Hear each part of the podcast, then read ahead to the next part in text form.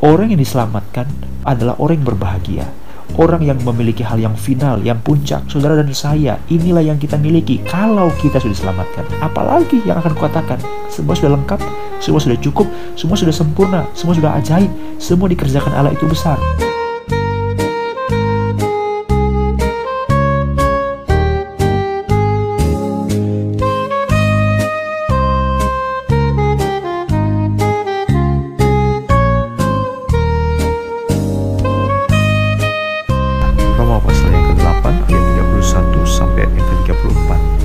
Kalau sudah kita ketemu ayat ini dalam beberapa menit ke depan, biarlah kita renungkan firman Allah menjadi santapan rohani bagi kita untuk memulai, memulai hari ini.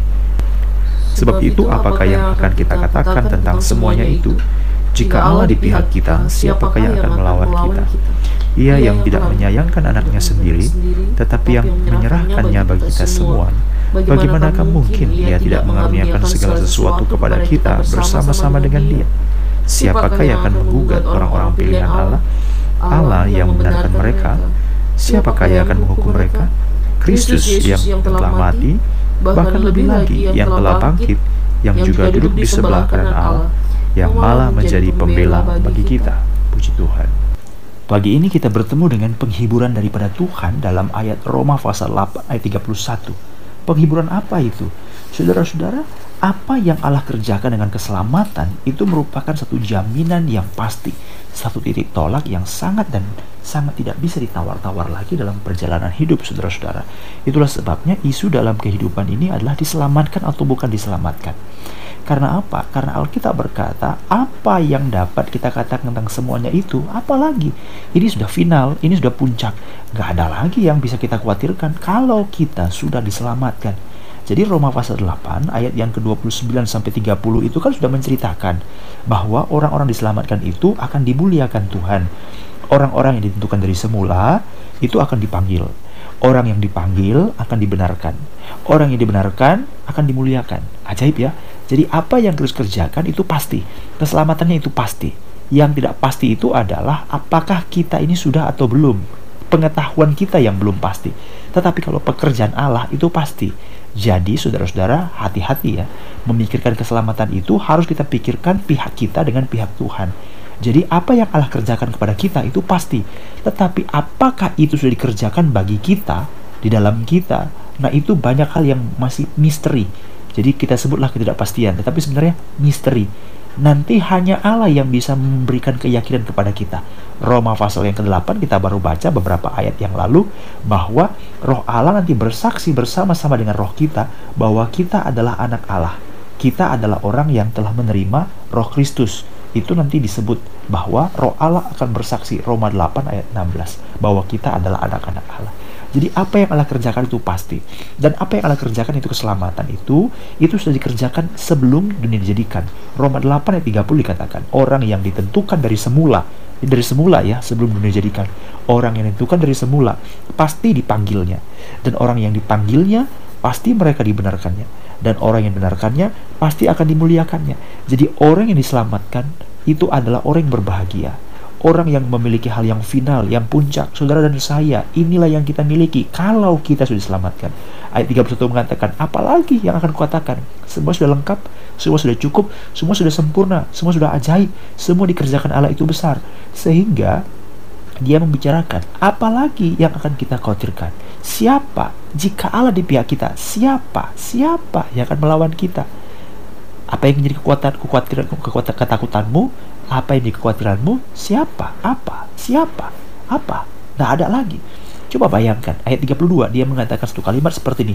Paulus berkata, ia yang tidak menyayangkan anaknya sendiri, tetapi yang menyerahkannya bagi kita. Bagaimana mungkin ia tidak mengaruniakan segala sesuatu kepada kita bersama-sama dengan dia? Jadi seolah-olah Rasul Paulus untuk mengatakan, kamu sudah diselamatkan. Jika Allah saja memberikan hal yang besar kepadamu, masakan Allah tidak memberikan hal-hal yang kecil? Gitu loh. Jadi jelas sekali ya bahwa betapa kita dihiburkan waktu kita diselamatkan dalam Kristus Yesus. Jadi pergumulan kita saudara-saudara adalah pergumulan keselamatan. Bukan bergumul supaya saya bisa berkati, supaya saya bisa mendapatkan ini, supaya saya bisa begitu. Tidak. Kita bergumul untuk keselamatan. Kita bergumul untuk keselamatan diri kita. Kita berdoa dan menyerahkan untuk keselamatan orang-orang yang kita sayangi, yang kita kasihi. Suami, istri, anak, kita berdoa untuk keselamatan mereka. Kita berdoa untuk orang-orang mendengar Injil, orang-orang yang tidak pernah mendengar Injil, orang-orang bukan lahirkan Kristen, kita kita berdoa.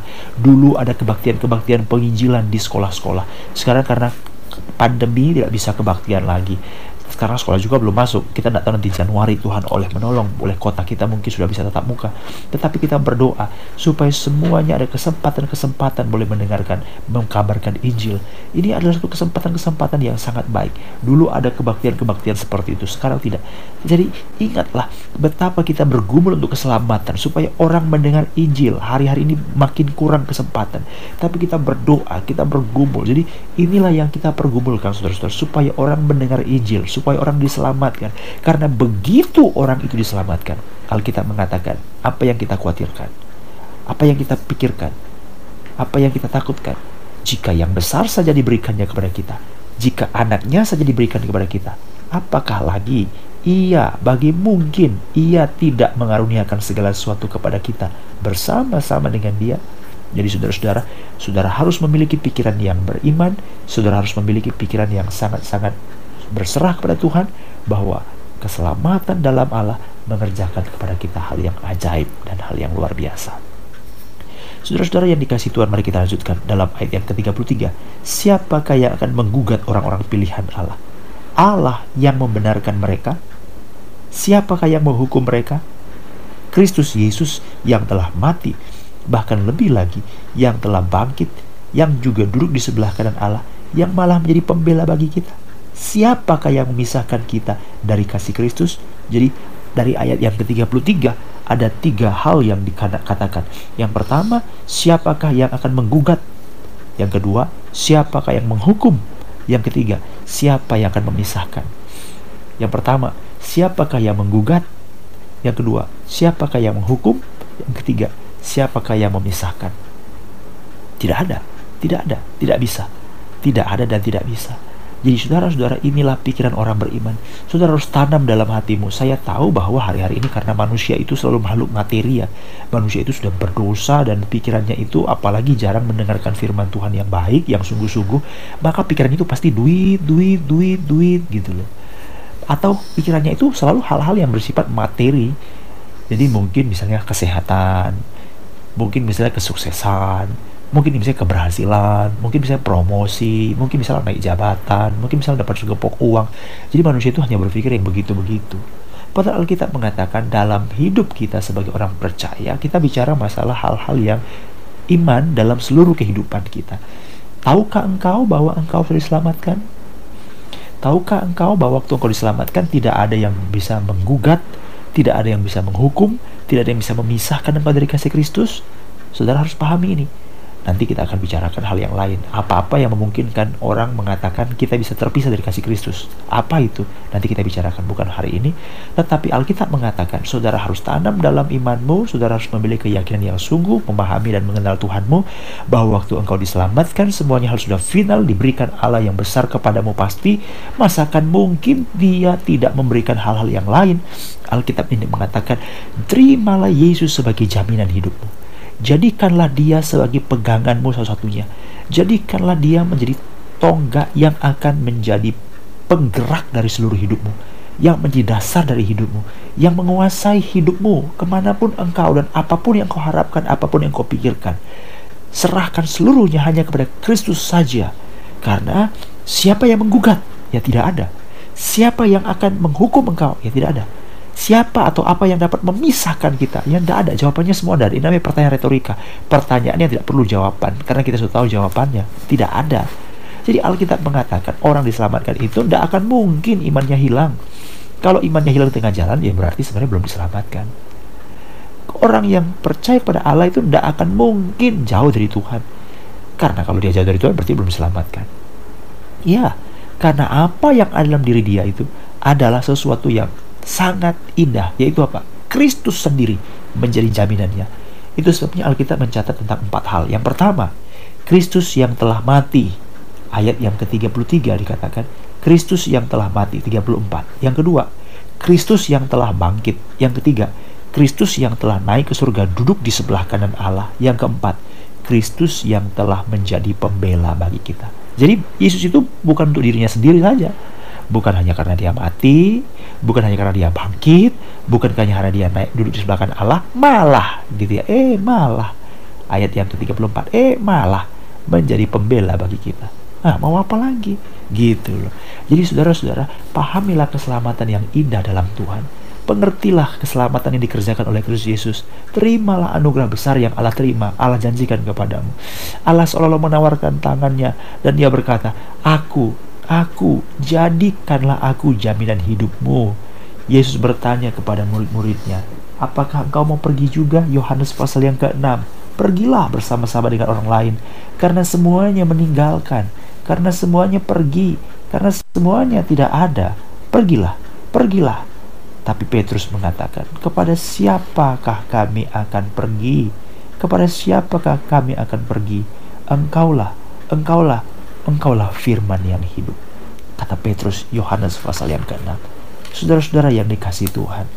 Lukas pasal 22 ayat 35 Yesus berkata ketika aku mengutus kamu Lukas 22:35 ketika aku mengutus kamu dengan tidak ada membawa pundi-pundi tidak membawa bekal tidak membawa kasut adakah kamu kekurangan apa-apa?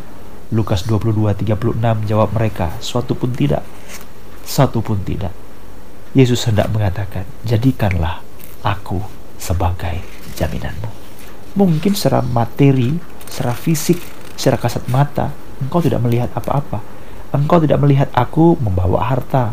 Engkau tidak melihat aku membawa apa yang kau inginkan. Tetapi aku, akulah, firmankulah jaminan pegangan bagimu. Sama seperti apa yang Yesus katakan kepada murid-murid, pergilah. Petrus mengatakan, tidak Tuhan. Yang kami lihat dalam dirimu adalah firmanmu itu. Jaminannya adalah engkau sendiri. Sama seperti berkata, waktu aku mengutus kamu, tidak bawa apa-apa, adakah kamu kurang? Tidak, tidak ada. Lukas 22, 36. Tidak ada. Jadi saudara-saudara, sebagai orang-orang diselamatkan, mari saudara melihat Kristuslah jaminan kita.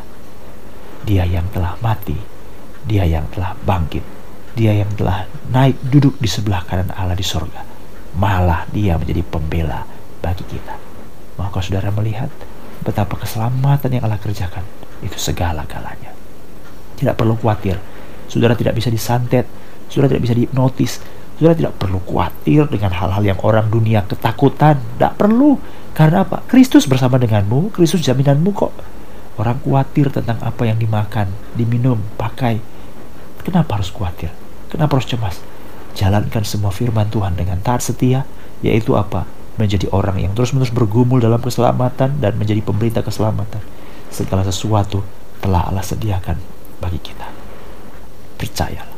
Itu sebabnya dia berkata, siapakah yang akan menjadi lawan kita? Siapa yang akan menggugat? Siapa yang akan menghukum? Siapa yang akan memisahkan? Tidak ada. Kristus, dia sudah mati, dia sudah bangkit, dia sudah naik di sorga, dan malah menjadi pembela bagi kita. Apakah hati saudara tidak berkobar-kobar waktu menerima kabar baik ini? Apakah hatimu tidak tergerak? Apakah hatimu tidak bergerak sedikit pun waktu engkau mendengarkan firman Tuhan ini?